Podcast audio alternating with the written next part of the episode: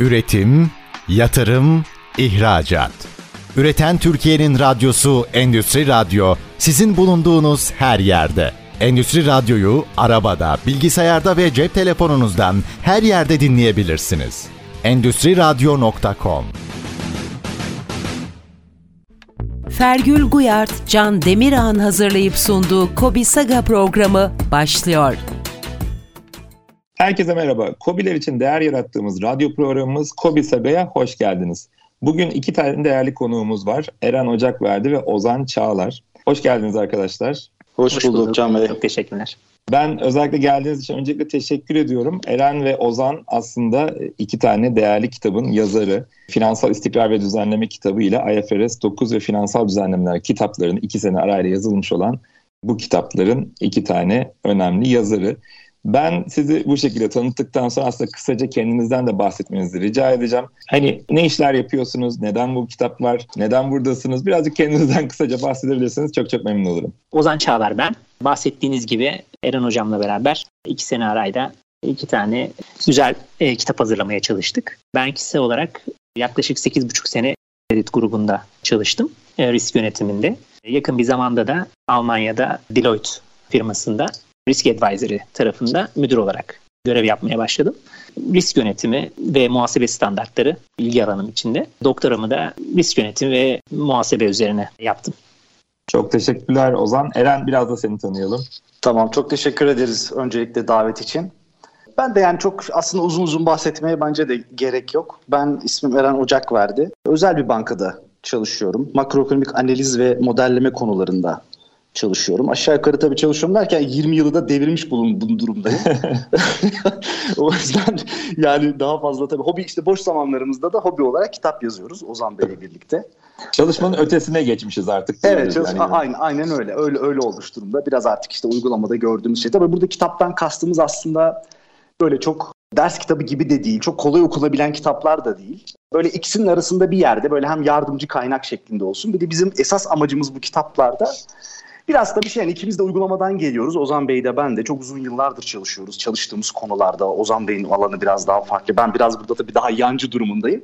Ee, ama hani ama yani burada bizim temel gayretimiz yani bir takım şeyleri uygulamaya çalışırken ortaya çıkan zorluklardan bahsetmeye çalışıyoruz. Zaten bunların ayrıntıları kitaplarda var. Zaten ilgi görmüş olacak ki biliyorsunuz haftalardır en çok satan listesinde bir numara kitaplarımız.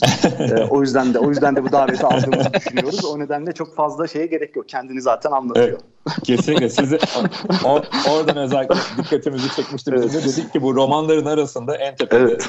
E, Nedir ne olsa gerek. Evet, yani biz neden basının ilgisini bu kadar geç geç mazhar olabildik ona ona çok şeyiz aslında. Biraz dargınız yani ama bu yayınla beraber bunun düzeleceğini düşünüyoruz o. O da bizim ayıbımız olsun ama Evet, sizin ilk, özellikle sizin olsun tamam tabii. tamam ilk, ilk bizsek bu kanalda bir kapıyı açmış olabiliriz diye e, de bir taraftan da kendime de pay çıkartmış olayım. Tamam öyle yapalım. Teşekkür ederiz. Çok teşekkürler konuklarımız için kendinizi tanıttığınız için aslında güzel oldu. Ben şimdi biraz bu yine kitaplardan bahsetmek istiyorum ama kitaplarda hani böyle aslında şunu merak ediyorum. Yani aslında kurumsal hayatta beyaz yakalı olarak çalışan iki tane değerli insansınız ve birden kitap yazma fikri aklınıza geliyor. Bu kitap yazma motivasyonunuz nereden çıktı? Hadi bir tanesini yazdınız, ikincisini yazma motivasyonunuz nereden geldi? Aklınıza bir onu merak ettim, onu öğrenmek istiyorum. Çünkü Bunu Ozan yazma... Bey, Ozan Bey yanıtlasın çünkü onun başının altından çıktığı için dediğim gibi ben daha yancı olduğum için önce kendisi bir günahın sebebini açıklarsa memnun oluruz. Evet. Şimdi biz Eren Hocam'la beraber çok uzun senelerdir aslında bu konular üzerine çalışıyoruz diyebilirim. Yani biz beraber çalışmaya sanırım 2014, 2013, 2014 yılında başladık. Özellikle yeni bir biraz sonra tartışacağımız IFRS 9 standardının devreye girmesi, hazırlanma süreci ve buradaki makro prediction'lar bu konularda yaklaşık 2014 yılından beri beraber çalışıyoruz. Ve ben e, bu çalışmaları artık 2018 yılında kağıda dökmek niyetimi aslında Eren'e söyledim. Kendisi de bence sektörde bu konudaki çalışan en önemli insanlardan bir tanesi. Ve bence güzel iki kitap hazırladık. Ee, birinci kitabımız tamamen 2008 küresel finansal krizi sonrasındaki gelişmeler ve IFRS 9 standardının başlangıç aşamasında hazırladığımız bir kitaptı. Sonraki kitabımız da Covid kriziyle beraber aslında evrildi ve Covid'den sonra neler oldu, standart nasıl etkilendi bunları anlatmaya çalıştık. Bence faydalı ve güzel iki çalışma yaptık. Ee, Eren Hocam'ın da büyük desteğiyle. Aslında motivasyonumuz, temel motivasyonumuz bunlar. Yani kitap yazmak gerçekten zor ve meşakkatli bir süreçmiş. Bunları görmüş olduk. Ama kişisel tatmin açısından e, ben de eminim Eren Hocam da bizler açısından da oldukça faydalı oldu bu çalışmaları kağıda dökmek. Tabii hem sanırım hem böyle e, o bildiğiniz ve anlatmak istediğiniz şeyleri tek bir yerde toplamış olmak güzel. Evet. Hem de bir taraftan bu kitabın yazarı olarak anılmak da aslında diğer taraftan kişisel anlamda güzel bir şey olsa gerek. Haklısınız. Aslında o ilk dediğiniz şey bence de çok yani çok önemli olan tarafı ben ben de öyle düşünüyorum. Düşüncelerinizi böyle zaten kafanızda olan şeyler gibi gözüküyor ama hı hı. yazmaya başladığınız anda böyle onları bir, bir arada toplu halde görmek de çok farklı bir şey. Ve hem biraz tabii düşüncelerinizi de organize etmiş oluyorsunuz. Onları da derli toplu bir hale getirmiş oluyorsunuz. Gerçekten hani çıkan ürün tam olarak kafanızdaki gibi olmuyor. Yani kafanızda daha dağınık olan şeylerin böyle bir araya gelip daha en azından bir bütün oluşturduğunu görmek de çok keyif verici oluyor. Ama Ozan Bey'in bahsettiği gibi gerçekten çok meşakkatli bir süreçmiş. evet. Peki ben şeyi ben şimdi benzer bir tatmini e, biliyorsunuz ben eğitimler veriyorum. Şimdi eğitimlerde evet, evet. anlattığım bir takım şeyler var. Şimdi konular var. Ben şimdi bir eğitim sunumunu hazırladığım zaman yani kafamdaki her şeyi dökebildiğim zaman evet bir evet, tatmine ulaşıyorum. Yani. Evet diyorum. Burada siz işin, bir şekilde. Siz işin sözlü tarafındasınız. Biz yazılı tarafındayız şimdi. evet. evet, evet. Şey, şimdi gerçekten öyle ama yani o böyle dağınık dağınık yerde anlattığınız hikayeleri aslında bir eğitim kapsamında Kesinlikle. bir arada toplayınca insan mutlu oluyor. Aynı şey kitapların çok daha bence kitap çok daha meşakkatli bir şey tabii eğitim hazırlamakla aynı şey değil. Peki ben bir taraftan da şunu şimdi siz anlatırken fark etmiş oldum. Onu söylemek istiyorum. Şimdi bir tanesini küresel finansal kriz sonrasında yazmışsınız. Bir tanesini salgın sonrasında yazmışsınız. Şimdi umut ediyorum bir daha um, umarım lütfen, umarım lütfen. bir daha kitap yaz. Umarım bir daha kitap yazmazsınız diyeceğim. Tamam o zaman ben bizim bizim meslekteki meşhur meşhur sözlerden birini söyleyeyim o zaman. Yani bakın korelasyon nedensellik değildir. Bizim üstümüze yıkmayın.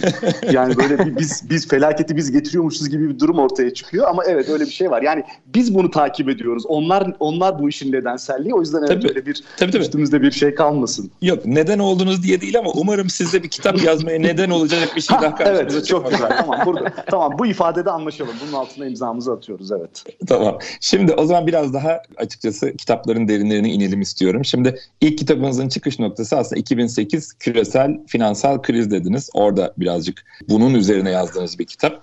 Burada tabii iktisadi ve finansal temelleri olan bir krizden bahsediyoruz ama siz biraz daha burada yasalar anlamında, regülasyonlar anlamında inceliyorsunuz. Peki bu kriz sonrasında belki kitabınıza da konu ettiğiniz bir takım değişikliklerden bahsedebilir misiniz bize ve konuklarımıza? Tabii. Şimdi 2008 ee, küresel finansal krizi ki bahsettiğiniz gibi bizim birinci kitabımızın esasen çıkış noktasını oluşturuyor. Bizlere temel olarak gerek o zamana kadar finansal enstrümanlar ile ilgili uygulanan muhasebe politikalarının gerekse de risk yönetimi uygulamalarının yani bir başka ifadeyle risklerin ölçülmesi ve yönetilmesi ile ilgili finans dünyasında oluşmuş olan pratiklerin aslında ideal ya da olması gereken noktadan e, çok uzak bir noktada konumlandığını gösterdi. Bir örnek vermem gerekirse küresel krize kadar olan dönemde Basel standartları ile belirlenen sermaye yeterlik oranlarına uyum gösteren finansal kuruluşların üstlendikleri riskler karşılığında yeterli sermaye ile çalıştıklarına dair piyasada bir inanç mevcuttu. Ancak gördük ki sermaye yeterlik standartlarına ya da oranlarına uyum gösteren birçok banka ve finansal kuruluş krizden hemen sonra iflas etti. Yani küresel kriz bizlere hem o ana kadar uygulanan ve genel olarak finansal araçları çerçeveleyen muhasebe politikalarının hem de risk yönetimi pratiklerinin beklenen performanstan oldukça uzakta kaldığını göstermiş oldu. Şimdi elbette finansal düzenlemeler dediğimiz zaman çok inanılmaz çok geniş bir literatür önümüze çıkıyor. Bu kadar geniş bir literatürü ne bir podcast kapsamında özetlemek ne de bir kitaba sığdırabilmek pek mümkün değil. Özellikle 2008 finansal krizinden sonra yapılan düzenlemelere baktığınız zaman çok geniş çapta düzenlemeler yapıldı. Bu sebeple biz hani bugünkü konuşmamızda da aslında kitabımızda da makroekonomik öngörü modellerini merkeze alan düzenlemeler e, üzerinde durduk. Bunlardan birincisi bankaların kredi karşılıklarını ayırma yöntemini derinden etkileyen, küresel kriziyle birlikte çalışmaları başlayan ve 2018 yılında uygulamaya başlanan IFRS 9 muhasebe standardı. Bir diğeri ise bankaların ve finansal kuruluşların üstlendikleri risklere karşı yeterli sermaye ile çalışmalarını sağlama ve bunun yanında banka genelinde sağlam bir risk yönetimi kültürü yaratma temel hedefleriyle kurgulanmış olan risklerin sayısallaştırılması noktasında normatif ve e, ekonomik iki temel sütun üzerine konumlandırılan içsel sermaye yeterlik değerlendirme süreci yani herkesin bildiği namı değer ICAP. İS, İSEDES ya da İSEDES, İSEDES diye ya da İSEDES evet. diye Türkçe olarak şey yapabiliriz. Öncelikle konuyla yakından ilgilenen herkesin e, bildiği gibi bankalar gerçekleşmiş ve gerçekleşmesi beklenen kredi kayıpları için günümüzde karşılık ayırıyorlar. Bu karşılıklar hem banka karlılıklarını hem de belirli kısıtlar ve düzenlemeler altında banka yasal sermaye oranlarını ciddi oranlarda etkileme kapasitesine sahip. Karlılıkları azalan ve yasal sermaye oranlarında problem yaşayan bankalar asli fonksiyonları olan ekonomiye kredi aktarma faaliyetini beklendiği şekilde yerine getiremiyorlar. Bu sebeple öncelikle kredi karşılıklarının düzenlenmesi son derece büyük önem taşıyor. 2008 küresel krizi bankaların kredi karşılıklarını düzenleyen 39 numaralı muhasebe standartının eksikliklerini gözler önüne serdi. Bu standart temel olarak gerçekleşmiş zarar prensibine dayanıyordu. Yani bir başka ifadeyle kredi karşılıklarının bankalar tarafından ayrılıp kayıtlara yansıtılması ancak kredi zarar olayının yani temerrüt olayının gerçekleşmesine bağlıydı. Temerrüt vakaları ise bilindiği gibi genelde ekonomide işler iyi giderken oldukça az görülür. Ama ekonomide işler kötü gitmeye başladığında hemen yükselişe geçer. Yani oldukça döngüseldir. Bu durumda banka sermaye yapıları ve karlılık oranları da gerçekleşmiş zarar yaklaşımı altında oldukça döngüsel bir hal almış oluyor. Gelecekte yaşanabilecek olaylar sebebiyle karşılaşabilecek kredi zararları yani gerçekleşmiş zarar yaklaşımı altında kayıt altına alınmıyor. Bu tür karşılıklar ne banka karlılıklarını ne banka sermaye oranlarını etkilemiyordu. Bu standart karşılıkların oldukça geç bir zaman diliminde ve yetersiz düzeyde ayrılarak banka kayıtlarına yansıtıldığı noktasında da hayli eleştiri almıştı. Ya öyle ki neredeyse batık durumda olan bankalar bile o dönem hatırlanacaktır. Batık durumda olan bankaların bile çok yüksek temettüler dağıtmaya devam ettiği oldukça büyük eleştiriler almıştı. Hem krizin öncesinde hem de hemen sonrasında özellikle batık bankalar hatırlarız çok yüksek temettüler dağıttılar. Küresel kriz sonrasında ise bankaların gelecekte oluşabilecek zararları da dikkate alıp bugünden kayıtlarına yansıtmalarını temel alan yeni bir standart düzenlendi. Bu standart da IFRS 9 standardı. Bu standart altında krediler, geleceğe yönelik bilgiler ve makro öngörü modelleri de kullanılarak 3 grup altında toplandı ve karşılıklar bu gruplara ilişkin standartta belirtilen gerekliliklere göre hesaplanmaya başladı. Bunun yanında ICAP yani İSEDES süreci ise bankaların yasal sermaye hesaplamalarında dikkate almadıkları ama faaliyetleri gereği üstlenmek zorunda oldukları risklerin de hesaba katıldığı, bu risklerin ekonomik perspektif ile içsel modeller yardımıyla ölçüldüğü, normatif perspektifte de stres testleri ve ekonomik öngörü modelleriyle desteklendiği bir süreç olarak karşımıza çıkıyor. Bu iki süreci bu şekilde özetleyebiliriz. Şimdi görebileceğimiz gibi makro öngörü modelleri hem muhasebe uygulamalarının hem de risklerin sayısallaştırılması ve ekonomik sermayenin hesaplanması süreçlerinin önemli bir noktasına oturmuş durumda. Yani peki bankaların bu öngörü modellerini tasarlayıp uygularken nelere dikkat etmesi gerekiyor? Şimdi biz birinci kitabımızı hazırlarken ki kitabımız yayınlandığında henüz Covid salgını başlamamıştı. Öngörü modelleriyle ilgili bazı uyarılarda bulunmuştuk. E, düzgün kurgulanmayan öngörü modellerinin beklenmeyen ve ani gelişen olaylar karşısında finansal sistemin ve bankaların kırılganlığını artırabileceğine dair fikirlerimizi belirtmiştik kitabımızda. Şimdi ben bundan sonra Eren'e bırakmak istiyorum biraz sözü. Bu kısmı bence bize teknik olarak biraz daha detaylandırabilir. ben tabii şimdi böyle kırmızı ışıkta böyle yeşili beklemeden sarıda gaza basan sürücü gibi olmak istemiyorum tabii. çok bildiğim yerden geldiği için sabırsız da davranmak istemiyorum. tabii şimdi çok teknik bir konu. Böyle çok teknik ayrıntılarına yani her ne kadar istesem de çok gir- girmeyeyim, girmek istemiyorum şimdi. Çünkü biraz kitapta satsın istiyorum tabii değil mi? Yani hani sonuçta bunları hani biliyoruz evet. ama çok da böyle şey verip hani merak uyandırıp kitabın da satışlarını arttırmak istiyorum. Ama tabii böyle çok yuvarlak genel geçer de bahsetmek istemiyorum. Yani önce şunu ifade etmek isterim. Çünkü yani ben işin bu tarafının çok ıskalandığını düşünüyorum. Modellere çok mekanik yaklaşıldığı için bence zaten esas problem oradan çıkıyor. Bu günümüzde başka alanlarda da aynı problem var ama şimdi biz, biz model dediğimizde yani biz ne anlayarak bunları işte Ozan Bey'in bahsettiği konuları irdeledik ve ne anlıyoruz? ne bağlamda tartıştık, anladık. Onu onu bir aktarmak istiyorum. Şimdi biz burada model dediğimiz olguyu böyle gerçeği tam olarak bilmediğimiz ya da bilemediğimiz durumlarda başvurduğumuz bir, bir sayısal yaklaştırma olarak düşünüyoruz. Nasıl bir sayı, sayısal yaklaştırma oluyor? Ne yapıyoruz? Yani işte elimizden geldiğince mevcut durumu işte en iyi açıklayan ya da en uygun açıklayan kavramları bulmaya çalışıyoruz. Anlamaya çalışıyoruz. Yani gerçekte olan biteni bir, bir şekilde bu modellerle yaklaştırmaya çalışıyoruz.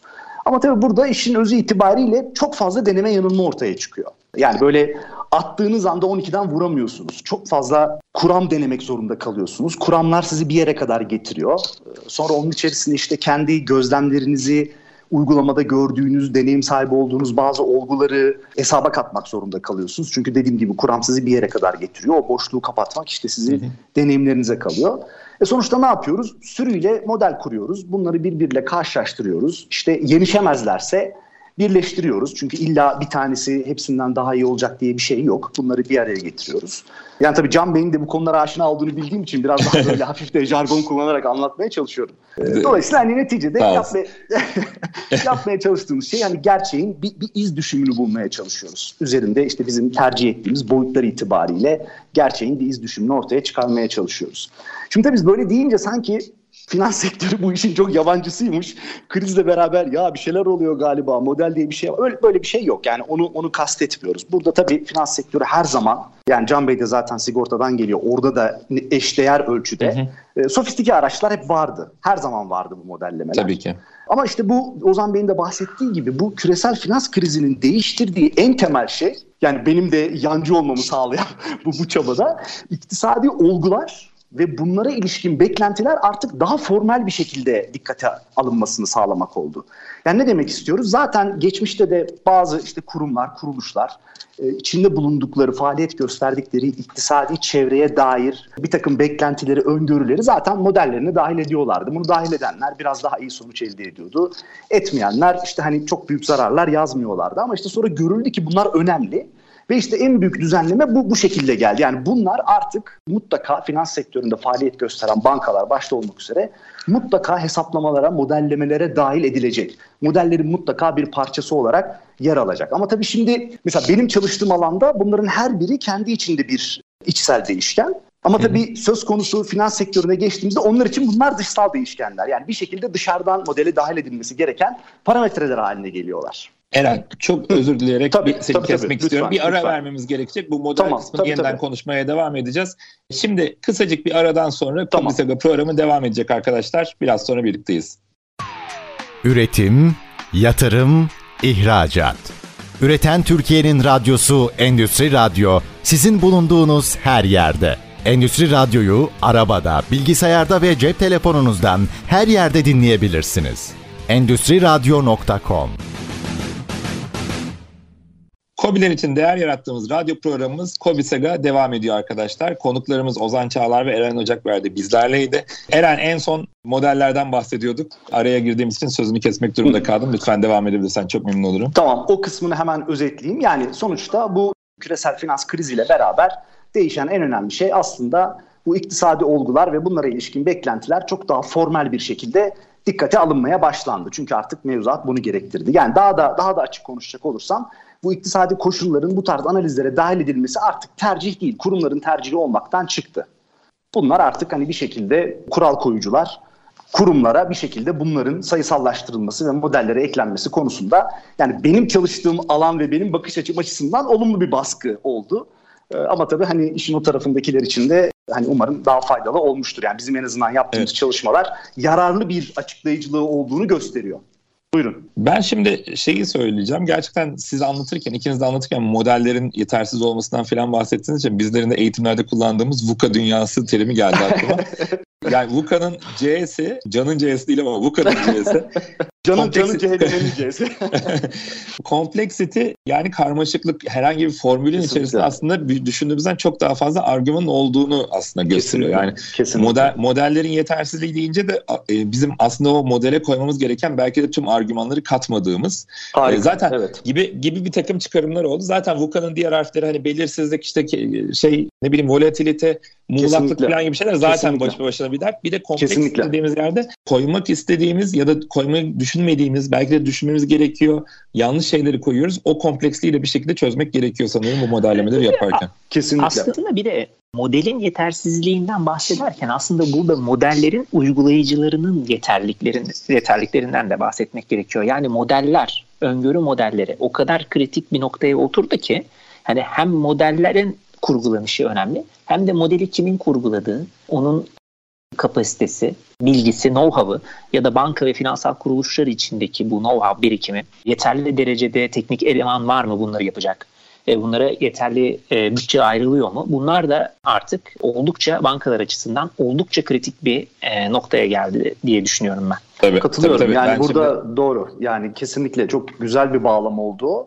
Çünkü bir kere en başta söylediğim gibi yani mekanik mekanik bakılamayacak bir şey bu. Şimdi zaten da, demin de bahsettik. Hali hazırda risk modelleri zaten kullanılıyordu. Yani bunlar hep vardı. Bir takım dediği gibi işte Can Bey'in bahsettiği gibi çeşitli karmaşıklıklarla, sofistikasyonlarla geliştirildi ama şimdi şöyle bir şey oldu bu son durumla birlikte. Şimdi bunlar mikro modeller aslında. Yani bankaların kendi içsel süreçleri için geliştirdikleri, kullandıkları çok sofistike, çok yüksek düzeyde sofistikasyona sahip ve çok ciddi büyük verileri kullanan modeller. Ama şimdi dediğim gibi bunlar mikro ve şimdi bunu makro tarafa bağlamak gerekti. Yani bu, bu da çok iyi anlaşılmış değil aslında. Biraz Ozan Bey'in aslında atıfta bulunduğu şey de bu. Yani tabii ki herkesin yetkinliği bu konuda tartışılmaz ama boyut değişti. Yani bir, bir iki farklı dünyanın bir araya getirilmesi durumu ortaya çıktı ve bunlar tamamen farklı dinamiklere sahip. Şimdi dolayısıyla o zaman tekrar hani Can Bey'in bahsettiği bu karmaşıklığa biraz atıfta bulunayım. Şimdi bir kere hangi makro değişkenler kullanılacak? Yani bu, bu başlı başına zor bir iş. Bunu şöyle yapamıyorsunuz. Böyle restoranda masaya yemek siparişi verir gibi hani ortaya karışık siz getirin biz içinden seçeriz böyle bir şey yok. Yani gerçekten böyle çalışmıyor. Çünkü makro değişkenler arasındaki ilişkileri de hesaba katmanız lazım. Dolayısıyla bu başlı başına farklı bir uzmanlık gerektiriyor.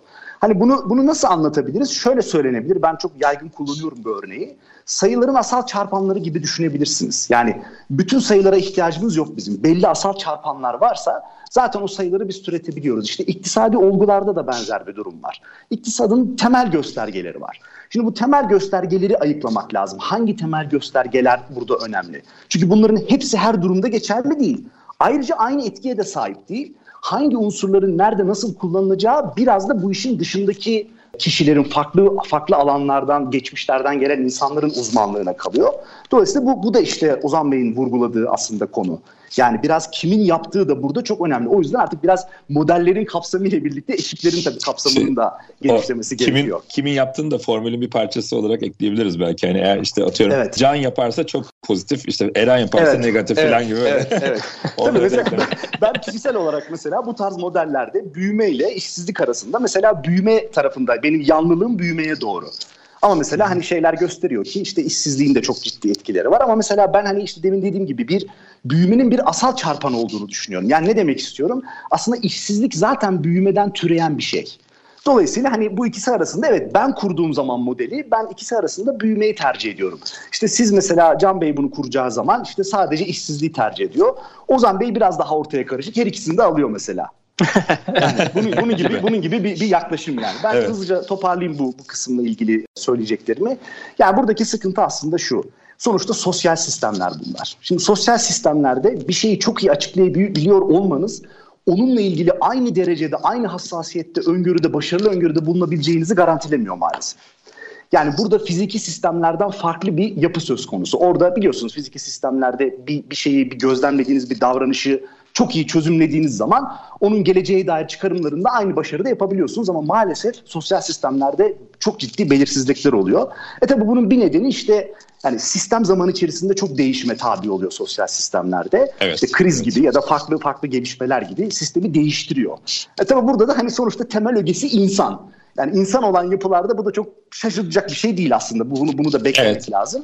Dolayısıyla hani e, evet aslında Ozan Bey de söyledi. Ben o şekilde hani kendi şeyimi tamamlamış olayım kısmımı. Tamam. Yani bu IFRS 9'un çok iyi çalışabilmesi için ve arzu edilen sonuçları verebilmesi için gerçekten de bu ileriye dönük makroekonomik çerçevenin doğru kurulabilmesi, tırnak içinde söylüyorum burada doğruyu, bir ön koşul. Yani o olduğu başarılı olduğu ölçüde oradan da arzu edilen verimi almak mümkün olacak. Benim bu kısımla ilgili söyleyeceklerim bu anladım, kadar. Buyurun Can anladım. Şimdi e, şeyi sormak istiyorum. İkinci felaket pardon ikinci kitabınıza geçmeden önce bu IFRS demişken ben şimdi yıllardır ben şimdi çok e, finans odaklı çalışmadım kurumsal hayatımda ama IFRS lafını sürekli duyuyorum ve sürekli de uzadığını da duyuyorum. Şimdi 2008'de yaşanan bir küresel finansal yani çok kısa şunu merak ediyorum gerçekten konuklarda da merak edenler vardır eminim. 2008'deki finansal krizin üzerinden aslında çıkan bir şeyden bahsediyorum diyoruz. Hani bazı şeyleri yeterli olmadığından dolayı IFRS'i ortaya atıyoruz. Sonra ha şimdi ha yarın ha şimdi ha yarın derken yıllarca uzadı. Neden bu kadar uzadı? Yani çok kısa alabilirsem bunu da sizden çok memnun olurum. Bunu bence Ozan Bey'e yöneltebiliriz. IFRS 9 standartının e, yayınlanması niye bu kadar mı uzadı diye. Evet evet yani evet. Ya Yok, standart... dev, devreye de alınması aslında bakarsanız. Evet, yani, yani bu evet, sene evet, bu evet, sene evet, alacağız, evet. öbür evet. sene alacağız. Bu sene alacağız, öbür sene alacağız derken aslında, sürekli uzadığını biliyorum. Tabii yani standart bir kere e, çok büyük bir etki yarattı her şeyden önce finans sistemi üzerinde. Yani finans sistemin hem karlılık yapısı hem sermaye yapısı üzerinde ciddi etkileri olan çok büyük bir dönüşümden bahsediyoruz. Bu birincisi. İkincisi biraz önce de bahsettik. Hani modellerin e, yeniden kurgulanması, bu modellere sahip olmayan bankaların modelleri baştan kurması, sahip olan bankaların da standartın gerektirdiği şekilde modellerini yeniden revize etmesi gerekiyordu.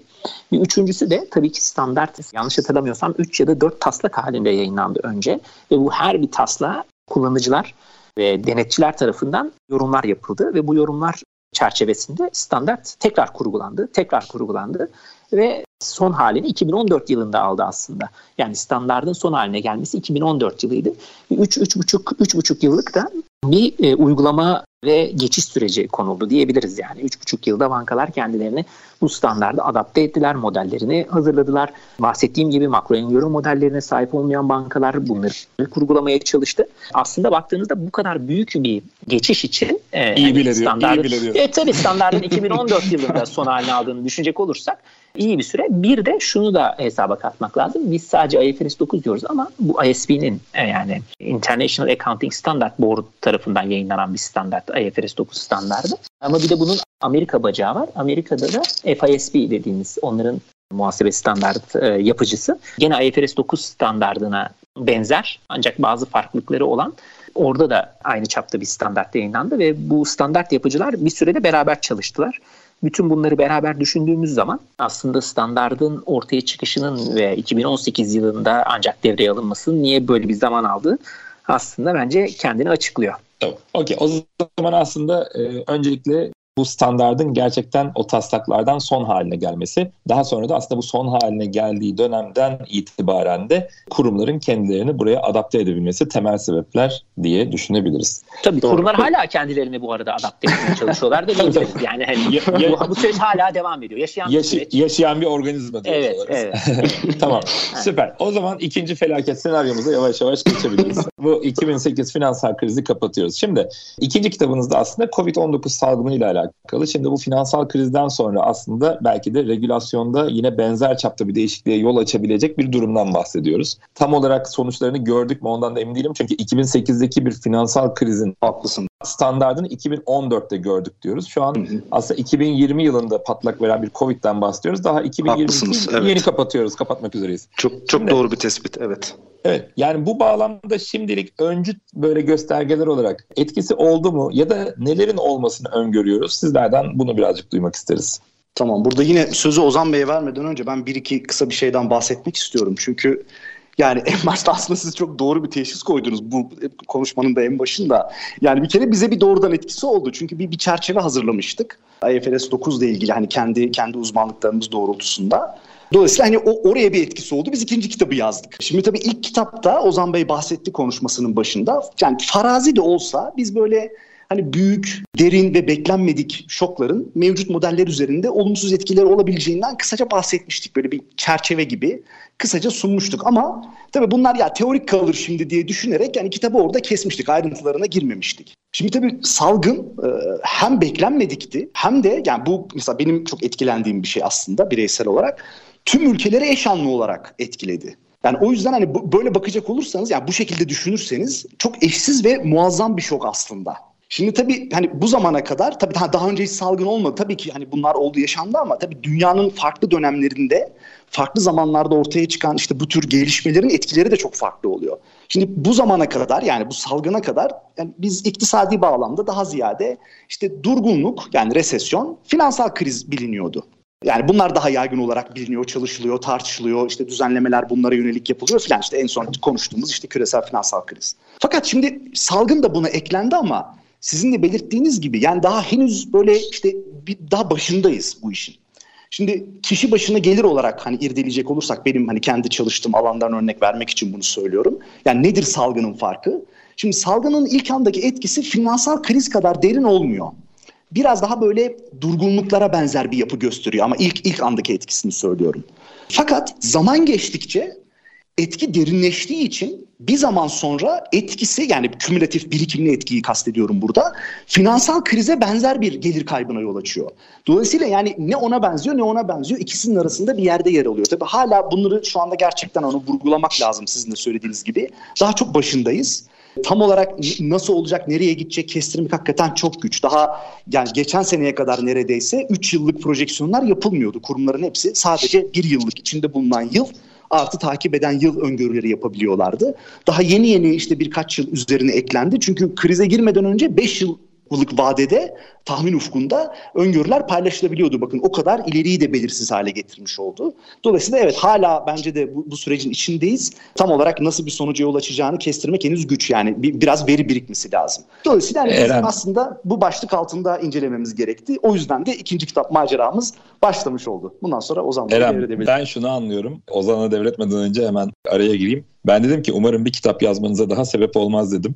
Bir sebep çıkmaz dedim ama o sanki zaman bu... Sizi, evet o zaman sizi korkutalım Can Bey biliyorsunuz. zaten bir, bir Rusya-Ukrayna biliyorsunuz savaşı var. Bizi kitap yazdırmak zorunda bırakabilir bu sene içerisinde yani önümüzdeki yıla da taşarsa. Bir de bir de bu kripto paralarda bir sıkıntı gözlemliyoruz. Yani bunlar sanırım belki üçüncü kitabımızın adı adı olabilir. Ya da belki Ozan tamam. Bey bunu kendisi yazar ben havlu atmak zorunda kalabilirim. Birkaç, birkaç tane daha kripto para batarsa herhalde o zaman gerçekten o finansal krizler tarzında o tatta bir kitap sizden alabiliriz. Ben şeyi kastetmiştim tabii bu arada. Covid-19'un da daha böyle sonuçlarını daha tam almadan gitmişsiniz evet. kitap yazmışsınız. Keşke sonuçlarını evet. alsaydık da hani tek kitapla halletseydik böyle. doğru doğru ama çünkü yani bu, bu tarz bir şey daha yaşarsak ben kesinlikle 10 adımda 12 adım kitabını okumaya başlayacağım. Benim açımdan yani öyle öyle bir durum olacak artık. Vallahi süper. Şimdi Ozan'a sözü vermeden önce arkadaşlar bir aramız daha olacak. Ee, tamam. Araya girelim. Ondan evet. sonra devam ediyor olacağız. Sevgili konuklarımız Kobi Saga biraz sonra devam edecek. Üretim, yatırım, ihracat.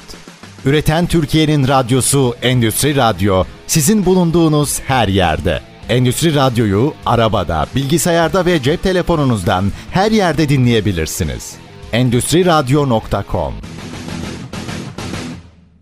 Kobiler için değer yarattığımız radyo programımız Kobi Saga devam ediyor. Konuklarımız Ozan Çağlar ve Eren Ocakverdi ile devam ediyoruz. Eren çok teşekkürler Covid-19 ile alakalı yapmış olduğun yorumlar için. Şimdi biraz da sözü Ozan'a veriyorum. Ozan sen neler söylemek istersin bu ikinci kitabınızın yazılma sebebi olan salgınla alakalı? Şimdi Covid salgınının başlangıç aşamasından itibaren küresel düzeyde düzenlemelerle uğraşan kurumları en çok zorlayan e, IFRS 9 standardı oldu maalesef.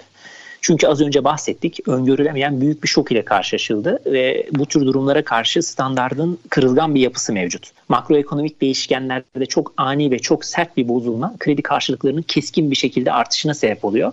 Bu da banka kredi kanalının daralması hatta kapanması ile sonuçlanabiliyor.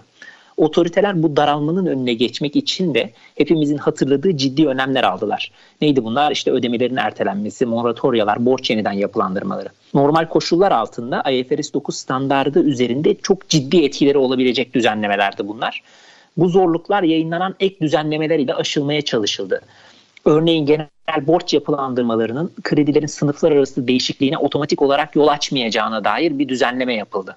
Ancak burada bence e, konuşmamız gereken en ciddi konu salgın ile beraber makro öngörü modelleri açısından tamamen kör bir noktaya gelmiş olmamız.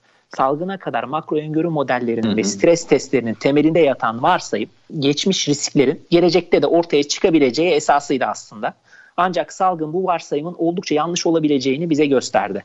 Aslında burada Eren bize öngörü modellerinin neden salgın ile beraber istenildiği gibi çalışmadığını ya da bu öngörü modellerinde ne gibi zorluklarla karşılaştığımızı da kısaca anlatabilir diye düşünüyorum. Evet harika.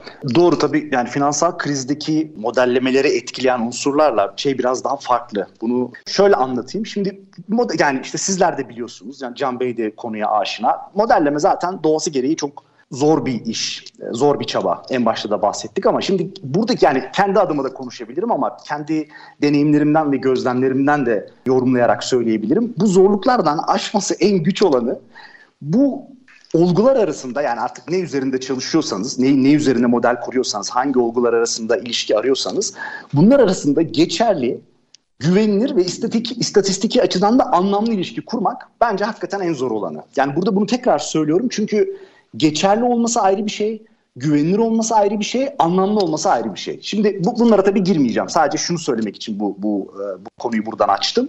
Bu salgın modellemenin bu üç bileşenini de çok ciddi etkiledi. Yani hakikaten e, tabir yerindeyse darmadağın etti. Şimdi Eren bir şey olarak, çok özür dilerim. Çok özür dilerim araya buyurun, giriyorum. Buyurun. Şey aklıma geliyor sen bunu söyleyince. Bir tane bizim e, çocukluğumuzdan Superman filmi vardı. Pizza Kulesi'ni evet. hatırlar mısın? Kesinlikle çok ee, net hatırlarım. Ya, pizza, evet. pizza Kulesi'ni düzeltiyordu. Oradaki hediyelik eşyacısı bütün e, Pizza Kulesi evet. eşyalarını kırıyordu. Sonra üçtü, bir daha yamuldu. Üçtü galiba. Superman üçtü. Evet, kötü evet. kötü olduğu böyle kırmızı kriptonite. onun gibi mi oluyor? Yani hani bu salgın evet, deyince bir anda bütün modelleri öyle. bir kenara mı itmemiz gerekti? Gerçekten öyle. Yani tabii şöyle de bir şey var. Çok tabii uzmanlığımız değil. Bunu analojik olarak kurmak için söylüyorum. Yani nasıl ki hani vücutta herhangi bir baskıya maruz kalınca sizi o mas, ma, maruz kaldığı baskıdan korumak için, o şoktan korumak için mesela kırılıyorsa kemik herhangi bir yerden ve sonra oradaki onarımdan sonra bir daha aynı yerden kırılamıyorsa işte bu şoklar da böyle, krizler de böyle. Yani iktisadi sistemi ya da finansal sistemi her nereden kırıyorsa orası sağlamlaşıyor. Çünkü sonra oraya yönelik düzenlemeler yapılıyor. Bir daha oradan kırılmıyor ama başka bir yerden kırılabiliyor.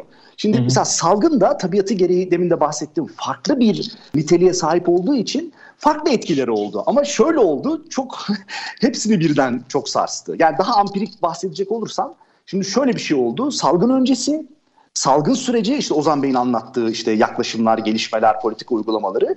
Şimdi şu anda da salgın sonrasındayız. Yani üç ayrı dönemimiz var. Ve iktisadi göstergeler arasındaki yani kendi alanımdan söyleyecek olursam çoğunun arasındaki ilişki önceye göre çok ciddi farklılıklar gösteriyor. Yani nasıl? Daha önce anlamlı olan bazı ilişkilerin koptuğunu görüyoruz. Ya da daha önce kopuk olan bazı ilişkilerin de anlamlı hale geldiğini gözlemliyoruz. Yani böyle böyle uç durumlar da var ama hani genel olarak şunu çok rahatlıkla söyleyebilirim. Bütün makroekonomik değişkenlerin kendi aralarındaki ilişkilerde ya bir zayıflama ya bir kuvvetlenme var. Yani aynı kalan bir ilişki yok. Onu onu çok net söyleyebilirim. Özellikle kendi alanımızda çalıştığımız Türkiye ekonomisiyle ilgili verilerde, finansal verilerde bunu çok net görebiliyoruz. E tabii ne oluyor? Bunu girdi olarak kullanan kullanan muhtemelen diğer mikro düzeydeki modeller de bunlardan etkilenecek. O yüzden salgının da o bağlamda tıpkı işte küresel finansal kriz sonrasındaki ya da işte IFRS 9 sürecindeki işte o hazırlık aşamasında kurumların yaşadığı sıkıntıları bir de mevcut modelleri gözden geçirerek bu duruma daha daha dayanıklı hale getirmek için ayrı çabalar sarf etmeleri gerekecek ve bu gerçekten hiç kolay değil. Çünkü birinci problem burada ampirik taraftan bakacak olursak bir kere salgın sonrasına ilişkin sizin de demin bahsettiğiniz gibi hala yeterince veri birikmiş değil. Yani gerçekten daha daha uzun bir zaman geçmesi gerekiyor. Çünkü önceyi ve sonrayı karşılaştırabilmek için hem öncesinde hem sonrasında yaklaşık aynı miktarda ve yeterince uzun verilere ihtiyacımız var. E, şu anda bu ilişkilerin tabii ne yönde gideceğini tam olarak kestirmek mümkün değil. O yüzden yani bekleyip hep beraber göreceğiz. Gerçekten de öyle. Burada benim söyleyebileceğim şey gerçekten o e, modellere baktığımızda bu kadar hani ben şimdi VUCA dünyası dedim böyle değişkenlikler dünyası dedim ama biraz önce söylediğine de geldiğimizde işte Ukrayna-Rusya krizi bir taraftan işte kripto paralar falan dediğimizde böyle VUCA'nın VUCA'sının VUCA'sı böyle fe- fevkalalelerin fevkinin fevkinde bir değişkenlik var gerçekten. E, fraktal bir fraktal bir yapı var. Ne kadar derine inersen aynı aynı paterni görüyorsun, aynı deseni görüyorsun. Aynı evet, evet. bir bir durum var gerçekten. Peki ben şunu da merak ettim bu vesileyle. Aslında dediklerinden çıkartarak bunu soruyorum hani farklı bir yapı sergiledi ya salgın için. Normal finansal kriz değil. Peki daha önce yazmış olduğunuz kitaptaki o IFRS'in ilk çıkışı 2008 krizinden sonra karşımıza gelmesi hani bir takım kırılganlıkları olduğu için bir daha sağlam bir sistem yaratılmış olması. Eğer biz Covid salgını yerine bir tane daha finansal kriz yaşasaydık benzer yapıda IFRS bunu kapsamakta yeterli olacak mıydı? Yani hani bu aslında paradoksal bir soru bu. Evet aynen öyle Can Bey. Bu bu paradoksal bir soru çünkü zaten aynısı yaşanmasın diye alınıyor önlem. Dolayısıyla aslında hani muhtemelen tekerrür etmeyecekti ama adı finansal kriz olan başka nitelikte bir bir kriz tabii, olurdu. Yani ama Her finansal kriz de aynı kesinlikle, kriz değil yani aslında. Kesinlikle, kesinlikle. Yani Tabii standardın bizden istediği temel olarak şey yani daha doğrusu uygulayıcılardan e, beklediği finansal istikrara katkıda bulunduğu tarafı standardın. Standart diyor ki sen bir banka olarak öngörünü yap. Eğer ki ekonomik koşullarda 2 yıl ya da 3 yıl ya da 1 yıl sonra bir kötüleşme bekliyorsan bunun kayıtlarını şimdiden yansıt. Öngörü modellerinin aslında kritik olduğu nokta burası. Diyor ki sen bu öngörüyü yap. Eğer ki diyorsan ki önümüzdeki sene benim batıklarım artacak bunu şimdiden görüyorum. Bunu kayıtlarına bir an önce yansıt ki bununla karşılaştığın zaman bu olayla karşılaştığın zaman sermaye problemi yaşama ve kredi kanalını kapatma. İşte COBİ'lere ve işte tüketicilere, bireylere kredi aktarmaya devam et. Aslında standardın beklediği bu. Ama hiç öngörülemeyen bir olay. Bugünden yarına meydana geldiği zaman Covid salgını gibi. Şimdi bir finansal kriz belki hani özellikle 2008 krizi gibi büyük bir krizin yaşanabileceği bazı makro öngörülerden öngörülebilir bugünden. Örneğin diyebilirsiniz önümüzdeki sene böyle çok büyük bir kriz yaşanabilir. Ama hiç beklenmedik Covid salgını gibi bir olay yani bugünden yarına meydana geldiği zaman işte standart o zaman makro değişkenler çok hızlı bir biçimde kötüleştiği için ve siz bu hızlı kötüleşmeyi anında kayıtlarınıza yansıtmak zorunda olduğunuz için işte standardın büyük bir kırılganlık yarattığı nokta burada ortaya çıktı. Bu hiç düşünülmemişti diye düşünüyorum. Yani biz e, hani bunu övünerek de söylüyorum aslında. Çünkü biz bunu kitapta belirtmiştik. Dedik ki hiç öngörülemeyen bir şey olursa eğer hani bu makro değişkenler çok hızlı bir bozulma görülürse dedik ilk kitabımızda bu Sıkıntı bir kırılganlık var. yaratabilir. Evet. Ama tabii ki bunun bir salgın olabileceği kimsenin aklına gelmemişti. Yani hani böyle bir salgının bugünden yarına. Aslında standardın bence standardın ve standart yapıcıların buradan sonra çalışmaları gereken en önemli nokta bu. Gerçekten o VUCA'nın A'sı zaten bizim Covid salgını ifade ediyor. Ambiguity dediğimiz yani evet. muğlaklık. E, bilmediğimiz dahi bilmediğimiz konular. Yani öyle bir şey Tabii olacak. siz yangına yangına göre önlem alıyorsunuz ama sonra su basıyor. Yani biraz evet, onun gibi evet. de bir durum. Yani hani yangına göre önlem aldıkça hiç yanmayacak diye bir şey yok ama tabii ki hasarı minimize etme imkanınız ortaya çıkıyor. Ama işte dediğim gibi su baskını başka bir şey. Yani o sizi daha evet. farklı, daha hazırlıksız yakalıyor. Tabii her ne kadar böyle problemler yaşasak da ben de şimdi Kaizen yaklaşımına buradan atıfta bulunmak istiyorum. Hı hı. Kaizen yaklaşımı der ki hoş geldiniz problemler böyle problemler gelsin ki biz onları çözelim ki sürekli olarak gelişelim ve kırılganlığımızı hı hı. azaltalım der. Umuyorum Covid salgını bu anlamda bize katkısı olan bir salgın olmuştur. Şüphesiz. En azından Şüphesiz. finansal anlamda. Şüphesiz. Peki arkadaşlar bir şey daha sormak istiyorum. Konuşmalarınızda da yer yer belirttiniz. Kitabınızda da bu anlamda şeyler geçiyor. Sıklıkla böyle döngülerden ve döngüsellikten bahsediyoruz. evet. Şimdi evet. Dö- döngüleri ben ekonomik kriz olarak ya da işte bu tür finansal anlamda değil ama ben de mesela kendi sunumlarımda kullanıyorum. Çünkü her türlü işletme teorisinde de bir döngü vardır evet, mutlaka. Evet, doğru. Mutlaka doğru. o yuvar o yuvarlağı tahtaya bir çizeceksiniz. İşte Foucault döngüsü olur, kontrol döngüsü olur bilmem ne. Bunun gibi döngüler doğru. var. Peki bunun sizin incelediğiniz açıdan aslında nedir anlamı ve önemi nedir? Bunu birazcık anlatabilir misiniz? Yani bu evet güzel ve zor bir soru. İsterseniz buna önce ben başlayayım. O zaman Bey'in eklemek istediği bir şeyler olursa eklesin. Tabii şimdi bu aslında çok doğru. Döngüsellik yani aynı şeyi anlıyor muyuz? Evet o, o, o aslında kocaman bir soru işareti. Şimdi döngü yani bu cyclicality olarak tabii İngilizcesi geçiyor. Hani döngüsellik ya da çevrimsellik diye tercüme ediliyor. Şimdi burada aslında tekrar eden bir olguyu anlatmak için bu kavramlar kurgulanmış. Şimdi bunu hani nasıl sadeleştirerek anlatırız çok bilmiyorum ama şunu deneyebiliriz. Şimdi birçok insan bu mevsimsellik kavramına biraz daha aşina. o yüzden hani onun üzerinden anlatmaya çalışayım. Mesela hani mevsimselliğe örnek olarak çok geleneksel verilen şey nedir? Örnek nedir? İşte bir hani yılın belli dönemlerinde ya artan, geçmiş dönemlere kıyasla yani burada dönemden kasıt hafta olabilir, ay olabilir önemli değil. Ya artan ya da azalan bir, bir satış hacmi olabilir mesela. Ama bu nasıl bir mevsimsellik bu? Nasıl oluyor mevsimsel oluyor? Her yıl aynı dönemde ortaya çıkıyor ve kısa sürüyor. Yani bu tür dalgalanmalar mevsimsel olarak sınıflandırılıyor. Şimdi döngüsellik de bir dalgalanma ama mevsimsellikten belli farklılıkları var. Şimdi döngü de tekrarlanıyor ama şimdi döngülerin zamanlaması ve süresi bilinmiyor. Şimdi tekrarlı olduğunu biliyoruz ama periyodik olmadığını söyleyebiliyoruz. Yani işte mevsimsellik periyodik ve tekrarlı, döngüsellik periyodik olmayan ama tekrar eden bir, bir yapı. Bir de tabii bir farkı da şu, şimdi mevsimsellik genelde bir, bir yıldan kısa sürede olup bitiyor. Öyle o tür dalgalanmalara mevsimsellik deniyor.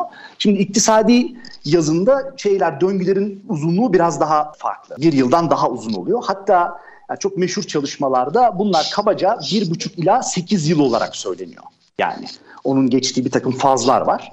Ee, hani ilgilenen arkadaşlar da araştırıp bakabilirler. Ben hani çok detaya girmeyeceğim şimdi ama yani gördüğünüz gibi hani bir buçuk ila sekiz yıl hatta on yıla kadar uzayabiliyor bir döngünün. Ama şimdi buradaki tabii iktisadi bağlamda sözünü ettiğimiz döngü bir genel gidişatın etrafında meydana geliyor aslında. Yani genel gidişattan kastımız ne?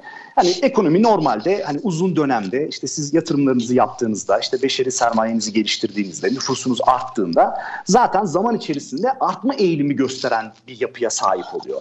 Ama işte bu tabii ne oluyor? Bu yapının etrafındaki buna eğilim diyoruz biz. Uzun dönemli eğilim diyoruz. Bunun etrafında bazı iniş çıkışlar oluyor. Şimdi bu iniş çıkışlar tabii iktisadi sistemin kendine özgü dinamiklerinden de kaynaklanabilir.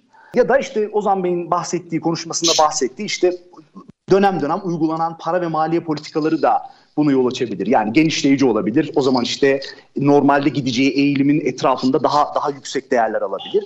Ya da daraltıcı bir politika uygulanabilir. O zaman işte onun altında yer alabilir filan. Bunlar işte döngüyü destekleyen şekilde de olabilir. Karşı döngü karşıtı da olabilir. Yani etkileri sönümlemek maksadıyla. Ama hani biraz daha böyle bir şey. Yani siz uzun dönemde baktığınızda hani belli bir miktarda ve pozitif büyüyen bütün ekonomiler başlangıç noktasından çok daha iyi bir noktaya gelir zaman içerisinde. Ama işte bu böyle doğrusal döne, değil. Döne döne. evet yani aynen bu doğrusal değildir. Yani çeşitli nedenlerden ötürü böyle dümdüz bir güzergahta gidemediğinizi düşünün. Yani Ama kuş o- uçuşu kuş uçuşu gidemiyorsunuz ya. Hani böyle sağa dönüyorsunuz, sola dönüyorsunuz. Onun gibi onun gibi bakabilirsiniz yani. Ama gidiyoruz değil mi? Öyle inişli çıkışlı da olsa bir şekilde evet, sürekli olarak evet, iyileşiyoruz. Evet. Mesela ben şimdi konudan çok saptım mesela. Şimdi hemen tekrar konuya döneyim. Yani bu işte yapılan çalışmalar e, literatürde gösteriyor ki bu tür iktisadi döngülerin temerrüt modellerine dahil edilmesi bu risk analizinin performansını iyileştiriyor. Yani burada artık siz nasıl bir risk analizi yapıyorsanız artık sınıflandırma da yapabilirsiniz, başka bir şey de yapabilirsiniz. Analizlerin performansını ortalama olarak iyileştirdiği görülüyor. O yüzden de bunların dahil edilmesi gerektiği söyleniyor. Ama şimdi tabii hani çok uzun uzun tabii tartışmaya gerek yok belki ama yani iktisadi döngü artık konuşmamızın başından beri hep vurguladığımız üzere zaten ölçülmesi ve modellenmesi başlı başına zor ve sorunlu olan bir yapı. O yüzden hani burada hani artık yapılan çalışmalar ortaya koyuyor ki bunlar bu saatten sonra artık modellemelere dahil edilecek ve e, arzu edilen odur ki bütün bu risk analizlerini iyileştireceği bekleniyor. Genel olarak çerçevemiz bu. Döngüler de o zaman aslında bu modellerin bir parçası diye düşünmeliyiz artık bu saatten sonra. Yani o döngünün neresinde olduğumuz belki de o modellere Yani reel sektör şu anda daha avantajlı çünkü bunu ona dayatan bir üst kuruluş yok. Ama evet finans sektöründe çalışanlar yani yani o, o Evet. alanda faaliyet gösteren kurum ve kuruluşlar buna zaten mecburlar. Dolayısıyla onların Aynen. tercihi değil ama yani reel sektör evet hala e, biraz daha o konuda serbest. Okey. Arkadaşlar çok çok teşekkür ediyorum. Benim açımdan çok keyifli bir sohbet oldu. Biz teşekkür ederiz. Umuyorum Bizim için de öyle. Çok teşekkür Biz ederiz. çok teşekkür ederiz. Katıldığınız için ben çok teşekkür ediyorum. Beni kırmayıp geldiğiniz için de. Umut ediyoruz burada COBİ'lere değer yaratan bir program olmayı arzulayan COBİ Saga programında sizlerin bu değerli katkıları COBİ'lere kayda değer bir değer yaratmışlardır ve bu kitapları alın diyoruz. Evet kesinlikle. Evet. Yani onu hem baştan söyleyelim hem en sonunda söyleyelim. evet, hem de söyleyeyim. Eliniz boşa Eğer- gitmesin. Eğer daha detaylı bilgi almak istiyorsanız o kitapları okumakta fayda var. Ama Evet, diğer evet. taraftan önümüzdeki dönemlerde gelecek diğer senaryolar için de belki yeni gelecek kitapları takip etmekte fayda var diyebiliriz. evet satış adedine bakarak ona karar vereceğiz. Evet. teşekkür ederiz. Çok çok teşekkürler arkadaşlar. Biz teşekkür Kendinize iyi ederiz. Çok sağ olun. Çok Size sağ iyi olun. çalışmalar. Çok çok İyi kolay gelsin. çalışmalar. İyi yayınlar. Görüşmek İyi üzere. Sevgili konuklarımız çok teşekkürler biz dinlediğiniz için. Kobi Saga önümüzdeki hafta yine devam edecek.